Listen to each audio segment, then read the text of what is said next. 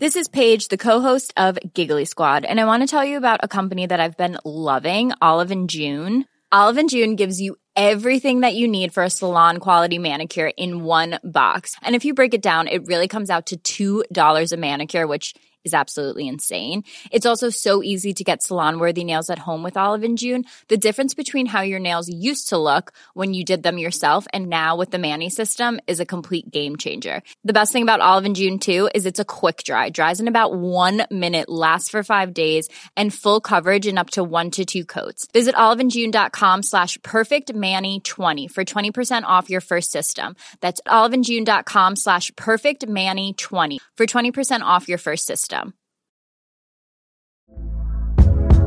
Hey there, it's Michelle Norris. I'm host of a podcast called Your Mama's Kitchen. When I travel, I'm usually looking for a way to find a taste of home when I'm not at home. And one of the things I love to do when I am at home is entertain. And Airbnb allows me to do that. When I was in California recently, I rented a house that had a great kitchen. And when we were sitting around the table, we we're all thinking, we're in someone else's house. Someone could be in all of our homes as well. If you have a home, but you're not always at home, you have an Airbnb. Your home might be worth more than you think. Find out how much at airbnb.com/slash host. Millions of people have lost weight with personalized plans from Noom, like Evan, who can't stand salads and still lost 50 pounds. Salads, generally, for most people, are the easy button, right? For me, that wasn't an option. I never really was a salad guy. That's just not who I am. But Noom worked for me. Get your personalized plan today at Noom.com. Real Noom user compensated to provide their story. In four weeks, the typical Noom user can expect to lose one to two pounds per week. Individual results may vary.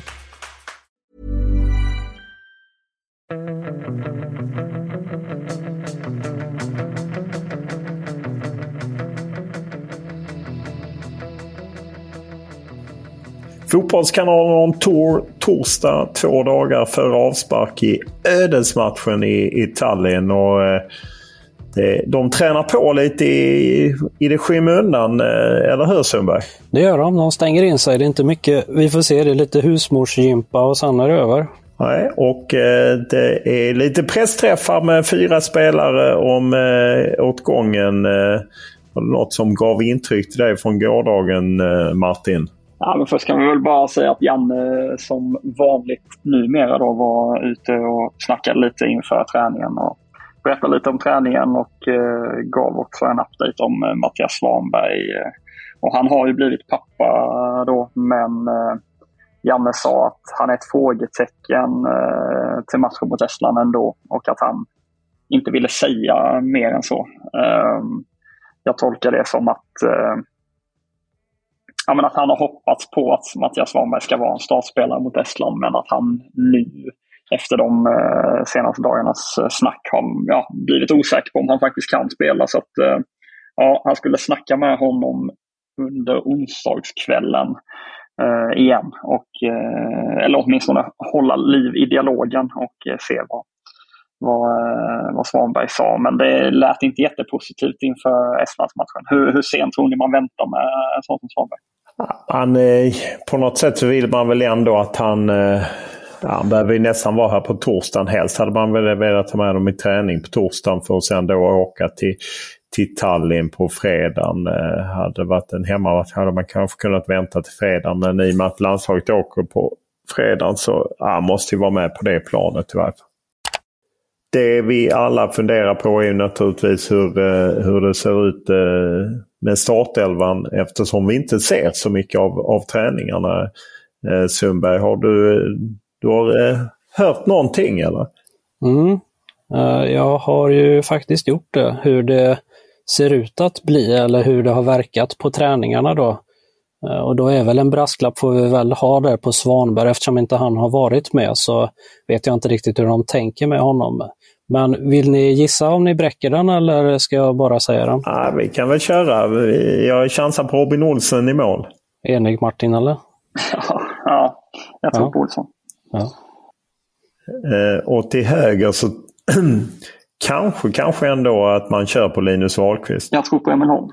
Ja, det är Emil Holm. Och sen är det väl rätt givet att det är Victor Nilsson Lindelöf och Isak Hien.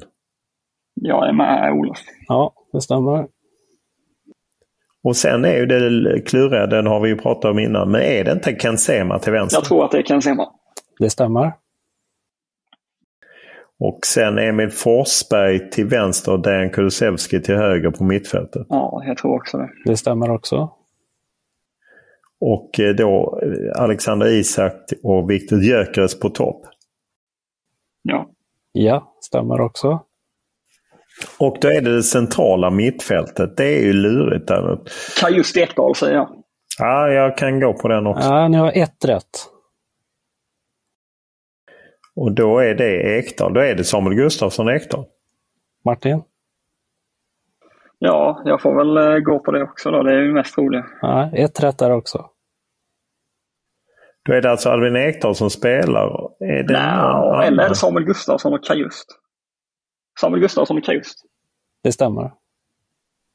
Aha, wow. Det är så som det har sett ut hittills, men då har de ju inte, det är ju rätt, eh, det är ju torsdag idag, det är några träningar kvar, det kommer bli mer och mer spelövningar såklart, men det är så som det har lutat åt hittills på träningarna i alla fall. Och, och, det kan man väl ändå säga att när de stänger så så tror jag att de stänger för att de vet att de kommer dels nöta lite varianter men framförallt nöta en elva väl. Som de, eftersom det är kort om tid eh, sen mellan nästa så det är väl ändå rimligt att det, detta är en, eh, är en startelva i så fall. Så kommer Sundberg att förstöra allt. Men det gillar vi. Ja, det gillar vi. Om vi tar det. Emil Holm, känns det helt rätt att vräka på med honom från start? Absolut, det tycker jag. Ja, det är väl att ge honom matchtid också inför matchen mot Österrike då, tänker jag. Ken Sema känns väl också rätt i den matchen att eh, en match där Sverige behöver gå fram, att det passar honom bättre och så har vi Martin Olsson i, i jag nästa tänker också match. så på Ja. båda ytterbackarna, att det, det känns offensivt på båda va? Ja, precis.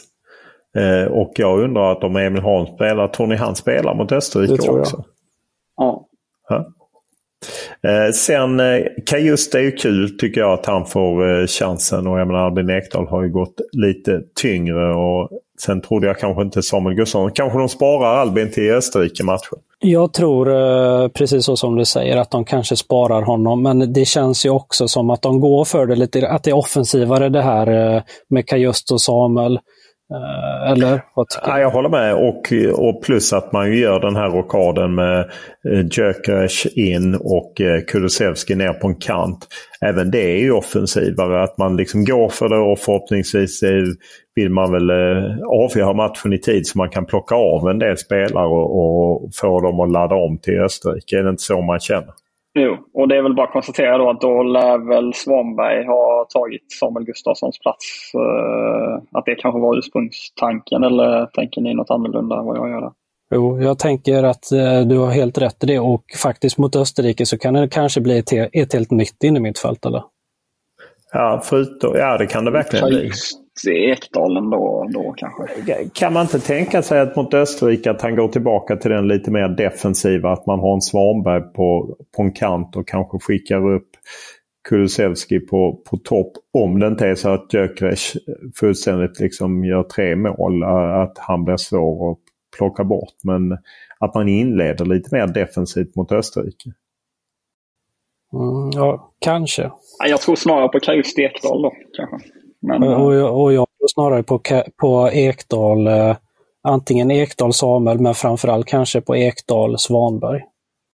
Ja, ja, jag tror ju, eh, sett till så som han pratade om Ekdal så har jag svårt att säga att man skulle möta Österrike hemma och inte Albin Ekdal skulle spela. Men eh, det återstår att se. Estland har ju som Sverige möter dem, spelar en rätt jämn match mot Österrike borta. blev 2-1 rätt sent avgörande. Sen förlorade de klart hemma mot eh, Belgien 0-3 i juni samma kväll som eh, Sverige slog Österrike. Så att eh, det är ju inget, det är inget toppgäng eh, som eh, man möter, eller hur? Nej, det, det ska ju bli en eh, re- relativt komfortabel seger. Burrow's furniture is built for the way you live. From ensuring easy assembly and disassembly to honoring highly requested new colors for their award-winning seating, they always have their customers in mind. Their modular seating is made out of durable materials to last and grow with you. And with Burrow, you always get fast, free shipping. Get up to 60% off during Burrow's Memorial Day sale at burrow.com slash ACAST. That's burrow.com slash ACAST. burrow.com slash ACAST. Everyone knows therapy is great for solving problems, but getting therapy has its own problems too, like finding the right therapist, fitting into their schedule, and of course, the cost. Well, BetterHelp can solve those problems. It's totally online and built around your schedule. It's surprisingly affordable too. Connect with a credentialed therapist by phone, video, or online chat, all from the comfort of your home. Visit betterhelp.com to learn more and save 10% on your first month. That's BetterHelp H E L P. Hey there, it's Michelle Norris. I'm host of a podcast called Your Mama's Kitchen. When I travel, I'm usually looking for a way to find a taste of home when I'm not at home. And one of the things I love to do when I am at home is entertain. And Airbnb allows me to do that. When I was in California recently, I rented a house that had a great kitchen. And when we were sitting around the table, we we're all thinking, we're in someone else's house. Someone could be in all of our homes as well. If you have a home, but you're not always at home, you have and Airbnb. Your home might be worth more than you think. Find out how much at airbnb.com slash host.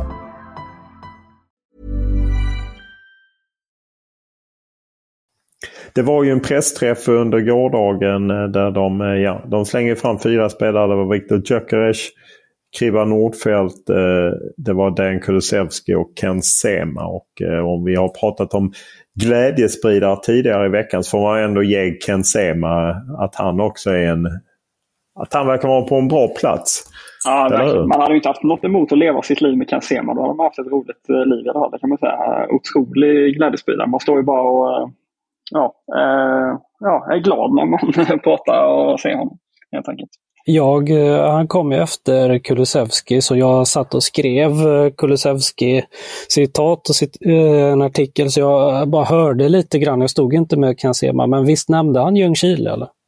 Ja, men han, ja, han nämnde det utifrån vilken tuff resa han haft. Eller liksom, att han har spelat i lag som Ljungskile och Östersund. Att han har verkligen fått kriga. Så att, mm.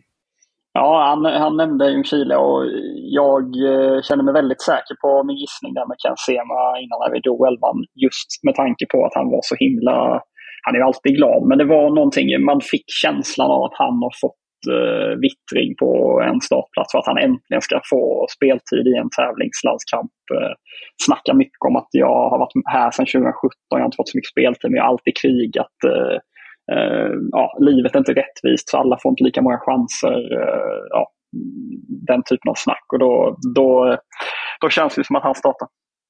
Ja, det, det, har du ju rätt i att han det. Men jag, jag, tycker också att han har liksom en skön inställning på något sätt. Jag menar, han har ju varit utlånad någon sväng till Udinese. Annars tillhört Watford både i Premier League och i Championship. Och, ja, men han, han verkar ändå trivas med, med livet i London och att han ändå spelar en en hel del, eh, även om han, som han konstaterar, har varit högerytter, vänsterytter och vänsterback. Eh, men att han eh, fann sin plats i allt det. Jag, jag tyckte det var lite härligt. Jag frågade faktiskt honom om, eh, om Graham Potter, om liksom han skulle kunna vara en tänkbar eh, förbundskapten eh, då kände han att han, eh, ah, han har blivit lite big boss nu. De har fortfarande kontakt men att han har tjänat mycket pengar i Chelsea. Och visst, det kan finnas lite kärlek kvar till Sverige men eh, ah, det lät inte som han trodde på det. Även om han naturligtvis trodde att eh, Potter skulle vara en bra förbundskapten. Eh, men visst är det någon som förbundet måste kolla med. Givetvis. Ja, de, de, borde ju redan ha ringt honom med tanke på att Jannes kontrakt går ut och Potter just nu är arbetslös. Alltså man, kan inte, man kan inte vänta med att höra av sig eh, till en sån som Potter eh, och kolla läget innan liksom, Jannes kontrakt går ut. För då kanske han har en ny klubb helt plötsligt. Så jag, ja, räknar, man... men jag räknar med att man har kollat läget i alla fall. Ja, och lite så som eh, då när man tillsatte Erik Hamrén. När man ringde till sådana Roy Hodgson. Kan det vara intressant för dig? Alltså utan att ställa frågan rakt ut men mer lyssna på är det, är det något som du hade varit intresserad av om det dök upp? Eh, ja, det, det, får vi utgå från att Jens T. Andersson har, har gjort det jobbet. Eh, han sågs ju i kostym. Eh, både han och Håkan Sjöstrand var finklädda på träningen, eller hur Martin? Ja, det jag hajade till lite för ibland kommer de förbi, kanske om de har varit på kansliet eller sådär. Jag menar inte att de eh, Eh, klär sig eh, illa annars, men eh, de kan ju komma dit i träningskläder och sådär ibland. Ehm, nu var Jens T där i kostym och Håkan hade liksom finbyxor och någon skjorta och grejer. Så att, känslan var att de hade varit i någon, någon form av mötesverksamhet eh, under förmiddagen där innan de eh, stack in någon Friends och hälsade på spelare. Apropå Potter så vill man ju ha Jens T som säger att han hörde konkret om honom för en vecka sedan. Det är ja. taskigt kanske. Ja, det är det väl. Eh, eh, Jörgensen. Det är sådana som eh, slår tillbaka helt enkelt när de inte har koll på det. En annan som var ute var ju Dan Kulusevski som ju... Ja, men när man frågar honom vilken position han tycker att Sverige skulle få mest ut av är han väldigt tydlig. Ah, det handlar inte om mig och jag spelar där jag blir satt. Det viktiga är att vi går vidare. Är det så? Tror ni att det är korrekt att man ändå eller är det att man säger någonting utåt? Eh, lite, lite både och, men jag tror att Dejan, eh, jag tror att han tänker lite eh, ganska mycket på laget nu också. Uh, hur laget har störst chans att vinna de här matcherna. Och jag tror att de precis som många andra utifrån vill ha in eh, Gyökeres i, eller i, i startelvan och då förstår Dejan att han får gå på höger och då tror jag att han är, tycker att det är bra. Jag tror att det spelar inte så stor roll för Dejan om han är till höger eller i anfallet faktiskt. Nej. Eh, för egen del så uppskattar jag nog honom mer till höger. Jag tycker att det blir lite bättre. Men det har vi ju varit inne på tidigare. Annars eh, fick han ju kanske lite rubriker för det här med att han Ja, men han tycker att eh, saudiska ligan, att det är lite kul den satsningen. Eh, och att de har liksom eh, hobbyn där och han känner folk som har gått dit och så. Att han är, han är spelare, han vill liksom inte ge sig in i, i de frågorna. Kan man, eh, kan man nöja sig med det? Är det så vi ska lägga oss? Helt ja, men ett kan man säga det att det är som, som vi har pratat om tidigare. att eh, liksom, det är ju det är svårt att lägga allt ansvar på enskilda individer i lägen när nationer och så vidare eh, handlar. Eh, det ska man ha med sig och sen tror jag väl mest att man, eh, alltså ett sånt uttalande eh, det visar väl kanske på att liksom fotbollsspelare och liksom fotbollsmarknaden och sådär ser ju väldigt annorlunda eh, på eh, ja, Eh, en liga som den saudiarabiska jämfört med vad kanske gemene fotbollssupporter eller eh, den som följer fotboll här i Sverige gör. Alltså, jag, ehm, jag upplever att det inte är en så stor grej kanske eh, där ute och man kan liksom slarva lite med uttrycket. Nej, det, någonting ligger det väl i det att det inte är så. Utan det är väl kanske mer att om man som lik Jordan Henderson har ja, men liksom lagt mycket kraft och, kring eh, den här typen av frågor. Eh, rättigheter för LBTQI-personer och liknande. Att om man då tar klivet över eh, till Saudiarabien är det klart att det blir problematiskt om man blir mer ifrågasatt. Samtidigt Verkligen. Jag... Och det, var, ja, det var en otroligt svag intervju han gjorde med The Athletic eh, här nu i, i dagarna. Men eh, ja, det får väl stå för honom som det så fint eh, heter nu för tiden.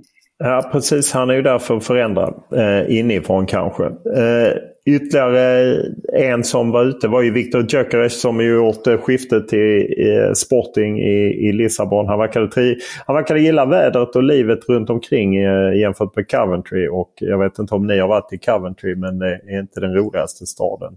Eh, tyvärr av tråkiga skäl för den förstördes av tyska bombningar under andra världskriget. Så att den är rätt mycket byggd på 50 och 60 Ah, jävligt episod när jag var där i varje fall. Så jag fattar att, eh, att bo i Lissabon är lite bättre. Men han, han har även startat starkt och, och det gillar man ju att han kommer in med bra drag, eller hur Sundberg?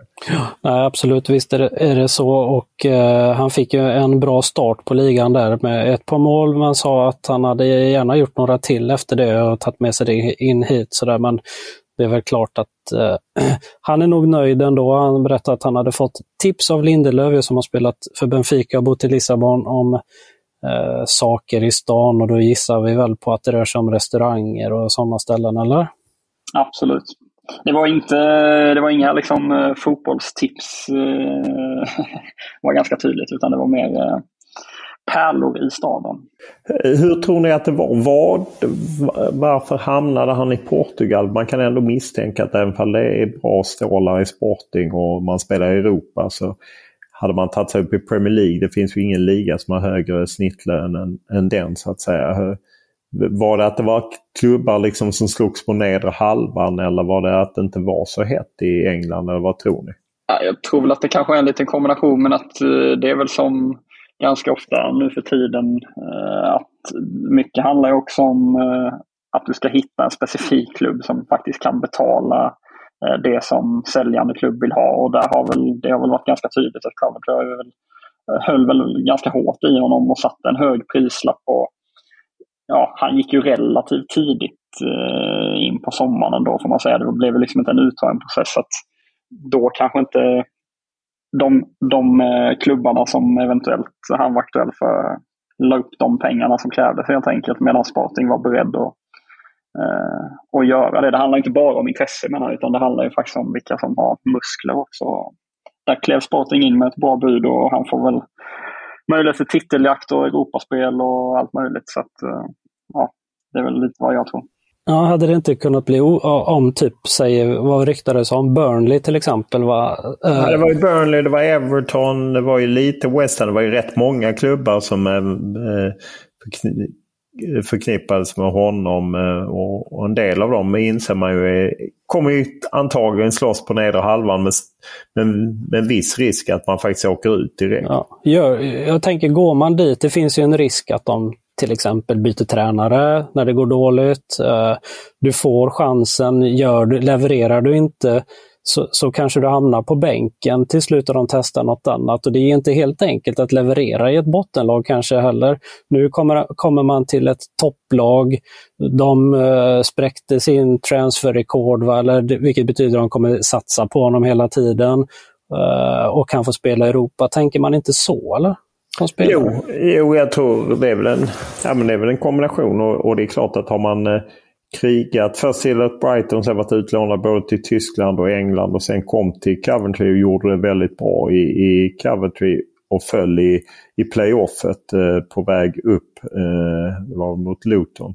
Och det är klart att då plötsligt spela ute i Europa och spela i en av eh, Portugals största klubbar, även fall eh, man får väl säga att både Benfica och eh, Porto har väl vunnit mer även om Sporting vann ligan för ett par år sedan.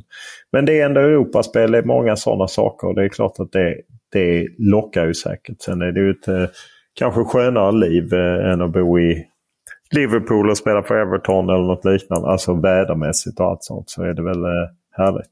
Det är en jäkla språngbräda också kan det ju vara. Alltså, det har ju varit väldigt många stjärnor från eh, de stora portugisiska klubbarna som har ehm, ja, sålts till eh, giganter där ute i Europa de senaste åren. Så att, ehm, gör, man, eh, gör man det bra i Sporting så kan man sälja för väldigt stora pengar och ta ett steg till en väldigt fin klubb. Även AIKs Kristoffer Kribba Nordfeldt, andra målvakten var ute.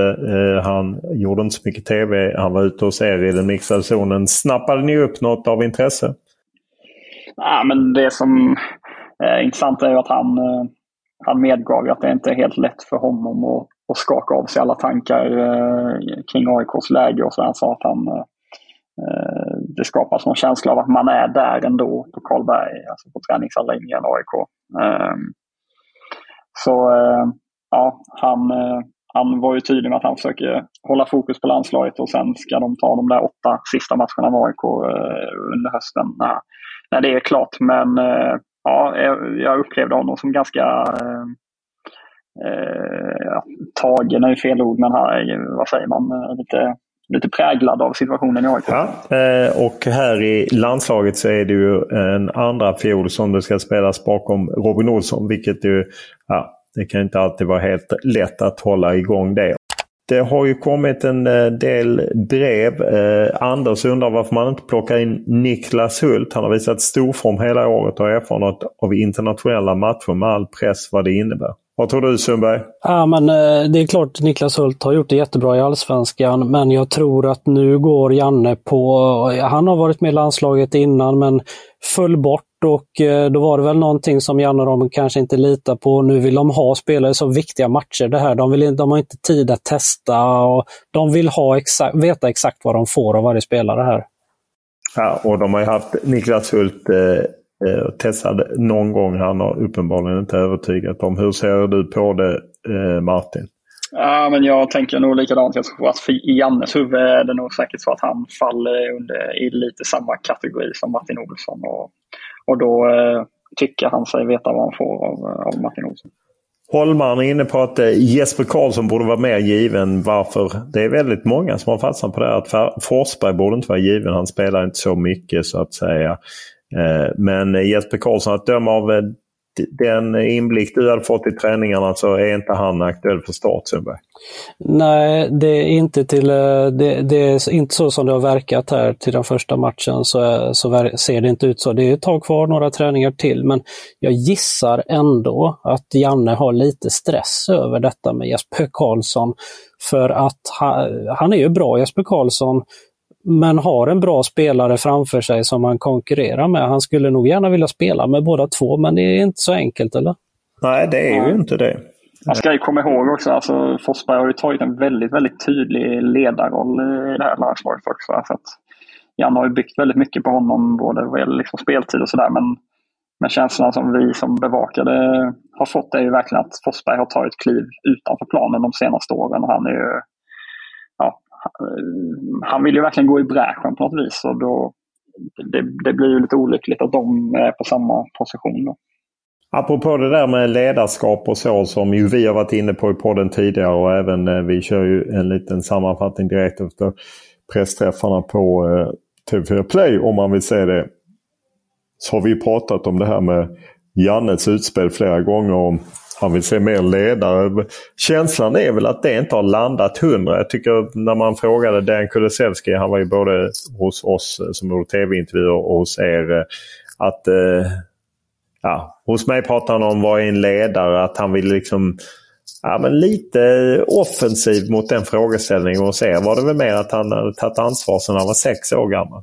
Ja, han, eh, det här började ju för ett år sedan ungefär. Det var väl Slovenien-Serbien Nations League-matcherna som han gick ut inför det, Janne också, att han just det här med ledare och då riktade han sig mot spelare som Dejan och Alexander Isak. Han ville se dem kliva fram och ta större ansvar. Och nu då eh, i måndags när han inledde press, eller den här samlingen med en pressträff så, så tog han upp samma sak igen, det här med ledare då. Och jag håller med Olof, det verkar inte ha landat helt positivt hos alla för för när då han kom till oss, Dejan, idag, så var det en journalist från, jag tror det var TT, som sa det här till Dejan att eh, Janne har pratat om att han vill se att spelare kliver fram och tar ansvar. Känner du att du är en av dem som kan ta större ansvar? Då sa Dejan, jag har tagit ansvar sedan jag var sex år. Kort sagt så. Eh, det var inte så att han jublade över det här att det kom på tal. Nej, jag kände också att det var eh, inte riktigt eh, hundra. Men eh, samtidigt eh, Martin, det är väl på ett sätt Jan Andersson har i det här läget inte så mycket att förlora även om han retar en och annan spelare, eller hur? Nej, exakt. Och det kan ju liksom, man kan också vända på det och se det som att han någon trycker på någon form av provokativ knapp också. Att, eh, att man kanske kan provocera fram ett jävla anamma i sina spelare. Att eh, ja, men nu ska jag visa den jäkeln. Liksom. Eh, och just som du säger, han, om det skulle reta upp spelarna lite men ge dem en extra skjuts eh, och avgöra de här matcherna. Ja, det, det är bara bra. Och, och tvärtom så vet ju Janne att oavsett så, så är hans eh, jobb slut som förbundskapten. Eller det, jag antar att han eh, känner så. För det, det finns väl ingen fortsättning i landslaget för Jan Andersson om det inte blir EM. Nej, inte en chans. Det kan det inte finnas. Eh, det vore helt omöjligt. Och där hoppas jag ju att han känner likadant. Att, eh, att, det, ja, men, eh, att det är dags att skilja. Så man, eh, vi fick ju alla ett mail från Filip som eh, var lite irriterad på Janne att han hade nämnt att han har fått feta tränarerbjudande. Att ett, ett av tecknen att Janne lägger ut krokar, att han är tillgänglig på marknaden. Tolkade han det så att lite, ja, han menade det här förlåtande handskakningen mellan Janne och Bojan, eh, att en del tappade den folkliga kärleken. Eh, jag vet inte om det är de kombinationerna, men visst kan man känna att Janne har tappat lite i, i kärlek. Ja, så är det verkligen. Hovleverantören har kommit med två egna spaningar, inte någon fråga denna gången. Han menar att eh, han tycker att majoriteten av fotbollsintresserade i Sverige tycker att det är fullt logiskt att Martin Olsson är uttagen och även eventuellt startar på lördag. Det är ofta mer populärt att komma med kritik mot uttagning och ofta är det en specifik spelare som opinionen hakar upp sig på som man antingen vill ha med eller inte vill se. Så att, eh, Hovleverantören är min kille. Han backar eh, Martin Olsson där och sen så en fråga som man tänkt länge på som inte hört eh, vad som händer med en svensk förbundskapten efter fullgjord kontraktstid. Är det en risk att man är förbrukad på den svenska marknaden? Ingen av Georg e- A.B. Eriksson, Lars Laban Arnesson, Olle Nordin, Tommy Svensson, Lars Tom, Erik Hamrén kom tillbaka på allsvensk nivå. Ja, Lars Lagerbäck var väl rådgivare till antingen Östersund eller Sundsvall eller både och. Det är väl det närmaste. Åby var ju så gammal. Lars Laban Arnesson jobbade för förbundet. Olle Nilsson, Olle Nordin har varit tillbaka. Han var ju både tillbaka i AIK och Norrköping. Ja, och Hamrén har varit i ÖIS. Ja, just det. Hamrén har varit i ÖIS. Det är dock inte allsvenskan väl? Nej. Eh, och sen eh, Tommy, Söderberg, Tommy Svensson jobbade ett tag för förbundet, sen för Kanal Plus. Lagerbäck har ju verkligen varit kvar i fotbollen. Tommy Söderberg har däremot lämnat den Hamrén då ÖIS. Så att det var inte helt korrekt. Eh, Men ändå en, eh, ändå en halv, ja, en, ändå en godkänd, eh, helt okej okay spaning ändå eller? Det, tycker du det? Ja. Det är bara för att du backar avleverantören. Uh, ja. Och sen är det ju Claes Granström på Journalisten som vill, han vill att Sverige ska spela 5-3-2. Att få in eh, Holm och Sema på sina bästa positioner likt wingbacks. Mm. Eh, och så då Hien, Lindelöf och Starfelt. Och så Svanberg, Kajust, Forsberg och Isak Gyökeres. Eh, det vill säga han eh, går in här eh, på att Forsberg kan rollen som Metsala. Det är en sån fin term som Simon Bank och de andra eh, trekvartister och liknande. Jag gillar tänket, gör jag med tre backar där. Men ja. vi saknar ju Kulusevski då Ja, han säger det. Nackdelen med systemet är att vi tvingas offra en av Gyökeres, eh, Isak eh, Kulusevski. Men å andra sidan är fotboll inte bara 11 man. handlar också om att kunna förändra med kvalitet i byten. Det handlar om att få in sina bästa spelare i sina bästa positioner. Det får vi bättre så här.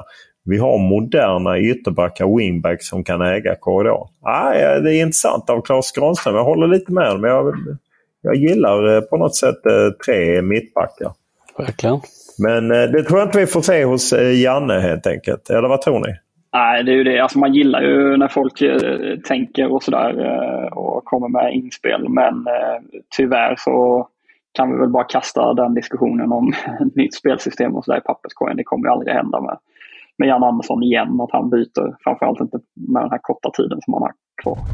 Nej, och eh, då ska vi bara köra eh, en, eh, en hetsjakt. Och idag kör jag faktiskt Klabbe. Han har varit flitig och mejlat in ett par. Han påminde återigen idag. Jag får ju säga att ni var otroligt många som ville ha, jag tror det är lite skämtsamt, Belgien-vimpeln. Ni var otroligt många. Jag kunde inte leverera till alla. Inklusive hovleverantören kunde inte få. Ja, det var eh, någon i Vinslöv. Eh, Max Olsson i Vinslöv. Ban, bangolfare säkert. Plötsligt ja, i Vinslöv. Har du sett den eller? Ja, det är klart jag har sett den. Och sen har så du sett den Ola? Ja, det har jag. Men jag får inte glömma Jakob som också han är en trogen lyssnare på Fotbollskanalen Tour. Han har den alltid i cykeln till jobbet och han, han tycker, borde inte Per-Mattias Högmo efterträda med tanke på Bra med media, populär bland spelarna, många års erfarenhet från olika nivåer norska förbundet, tre år som förbundskapten. Det får du ta som Norge-expert för jag vet ju att Högmo kanske inte alltid var uppskattad av norsk press, eller hur? Nej, han, eh, det, ska sägas han, eh, han, eh, det gick inte bra som förbundskapten helt enkelt och det talar väl emot helt enkelt att, att det, den perioden inte var så bra för honom. Sen vet jag att han har fått ett uppsving i Norge igen nu Eh, efter att han har gjort succé med Häcken. Jag vet att eh, Adressavisen exempelvis pekade ut honom som eh, en tänkbar kandidat för Rosenborg här och då snackade jag lite med en reporter där som sa att ah, det är lite mer romantisk eh, liksom dröm, drömbild eh, som han har hamnat på den listan. Så att eh, till och med Rosenborg då tänker att eh, de är för svaga för att få, få tillbaka Högmo. Så att hans namn har verkligen eh, fått sig en skjuts uppåt igen i Norge. Men ja, jag vet inte tusan om han är rätt eh, för Sverige. Nej, eh, jag är också skeptisk efter eh, att eh, även fall de nådde Europa League så tycker jag att de gick bort sig lite mot eh, Färöarna. Men det får man kanske inte tycka. Därför kör vi då Klabbe och han har ett svenskt efternamn. Alltså ett svenskt efternamn. Och så kommer det då olika massa spelare. Olika här, Ja. Massa olika. Uff, Så att, de det- här är det- jobbiga. ja. Ja. 10 Klabbe. poäng. Ja. Detta efternamn bar, bärs av en före detta VM-spelare som tog två SM-guld med Djurgården. Gjorde även avtryck i den franska högsta ligan. Det är någon av Isaksson och Källström. Vilka tog båda de två guld? Nej. Och sen så Eller kom... Elmander. 8 poäng. En spelare med flotta klubbadresser i Tyskland och England, München och London och som har gjort 102 A-landskamper har detta efternamn på ryggen. Shit vad jag är bortglömd om det är olika grejer här. Fan. 6 poäng. En nickstark herre med detta efternamn gjorde 35 A-landskamper och representerade klubbar i bland annat England, Schweiz och USA. Ja, men nu blir jag helt Ja, förvirrad. jag är Det helt snurrig också. Fan, England. Schweiz och USA. Eh, fyra poäng. Det går för fort En burväktare, alltså målvakt, som bär detta efternamn fick sitta oerhört mycket på bänk i landslaget, men även i portugisiska Porto. Lasse Eriksson. Vi drar. Vi har dratt. Eriksson är det. Vi har dragit. Vad fan, kan du bara bekräfta det eller? Två poäng. En ex-domare med detta efternamn har varit knattereporter i Barnjournalen. Ja. Vad Och eh, på noll poäng. En värmlänning som varit förbundskapten för England heter så här i efternamn. Den Ja, första var, Ja, Vilken var den första var Leif Eriksson, spelade VM 70 och för eh, Den var Nice. svår. Den var svår ju. Åtta poäng. Magdalena Eriksson, Bayern München, tidigare Chelsea. Sex poäng. Janne Eriksson, eh, Servette, Schweiz, Tampa, USA och Sunderland. Eh, fyra poäng där ni tog det. Lasse Eriksson ju. Vi, vi, borde, vi kunde tagit det för, på, för, Två på poäng. Janne, Jonas Janne Eriksson, domaren och noll poäng. Janne. Janne Eriksson kunde vi tagit resten Ja, av. men vi var för rostiga på det här nya upplägget här. Det, ehm, ja. Ja. Ja, Det är inte ofta jag kommer med ursäkter i den här leken. Nej. Den här, den Men- här var, ja. Det är ändå godkänt. Fyra poäng är... eh, Var det fyra? Ja, det var riktigt bra. Åtta, sex, fyra. Han måste ju eh, dubbelkolla. Det är lite spännande. Ja. Ja, men, eh, det är Jag tycker lite... första var första för, ledtråden. Leif Var, Eriksson var ett svårt, men 10 poäng ska vara svårt. Då ska man kunna något Sundberg. Det är inte ofta du är uppe på 10 poäng och nafsar. jo, det har ju varit många gånger faktiskt. Du är för feg på att dra. Ja, lite grann. Lite grann. Ja. Måste... Ja, torsdag, vi kan rutinerna. 11 och eh, 15 öppnar de eh, pressrummet. 11.45 är det husmorsgympa i 30 minuter. Sen får vi sitta till 13.30 då det är dags för pressträff. Där de ofta är ute lite sent. Eh, Vi kan de rutinerna nu. Eh, Kör vi en sista dag innan det är Tallinn.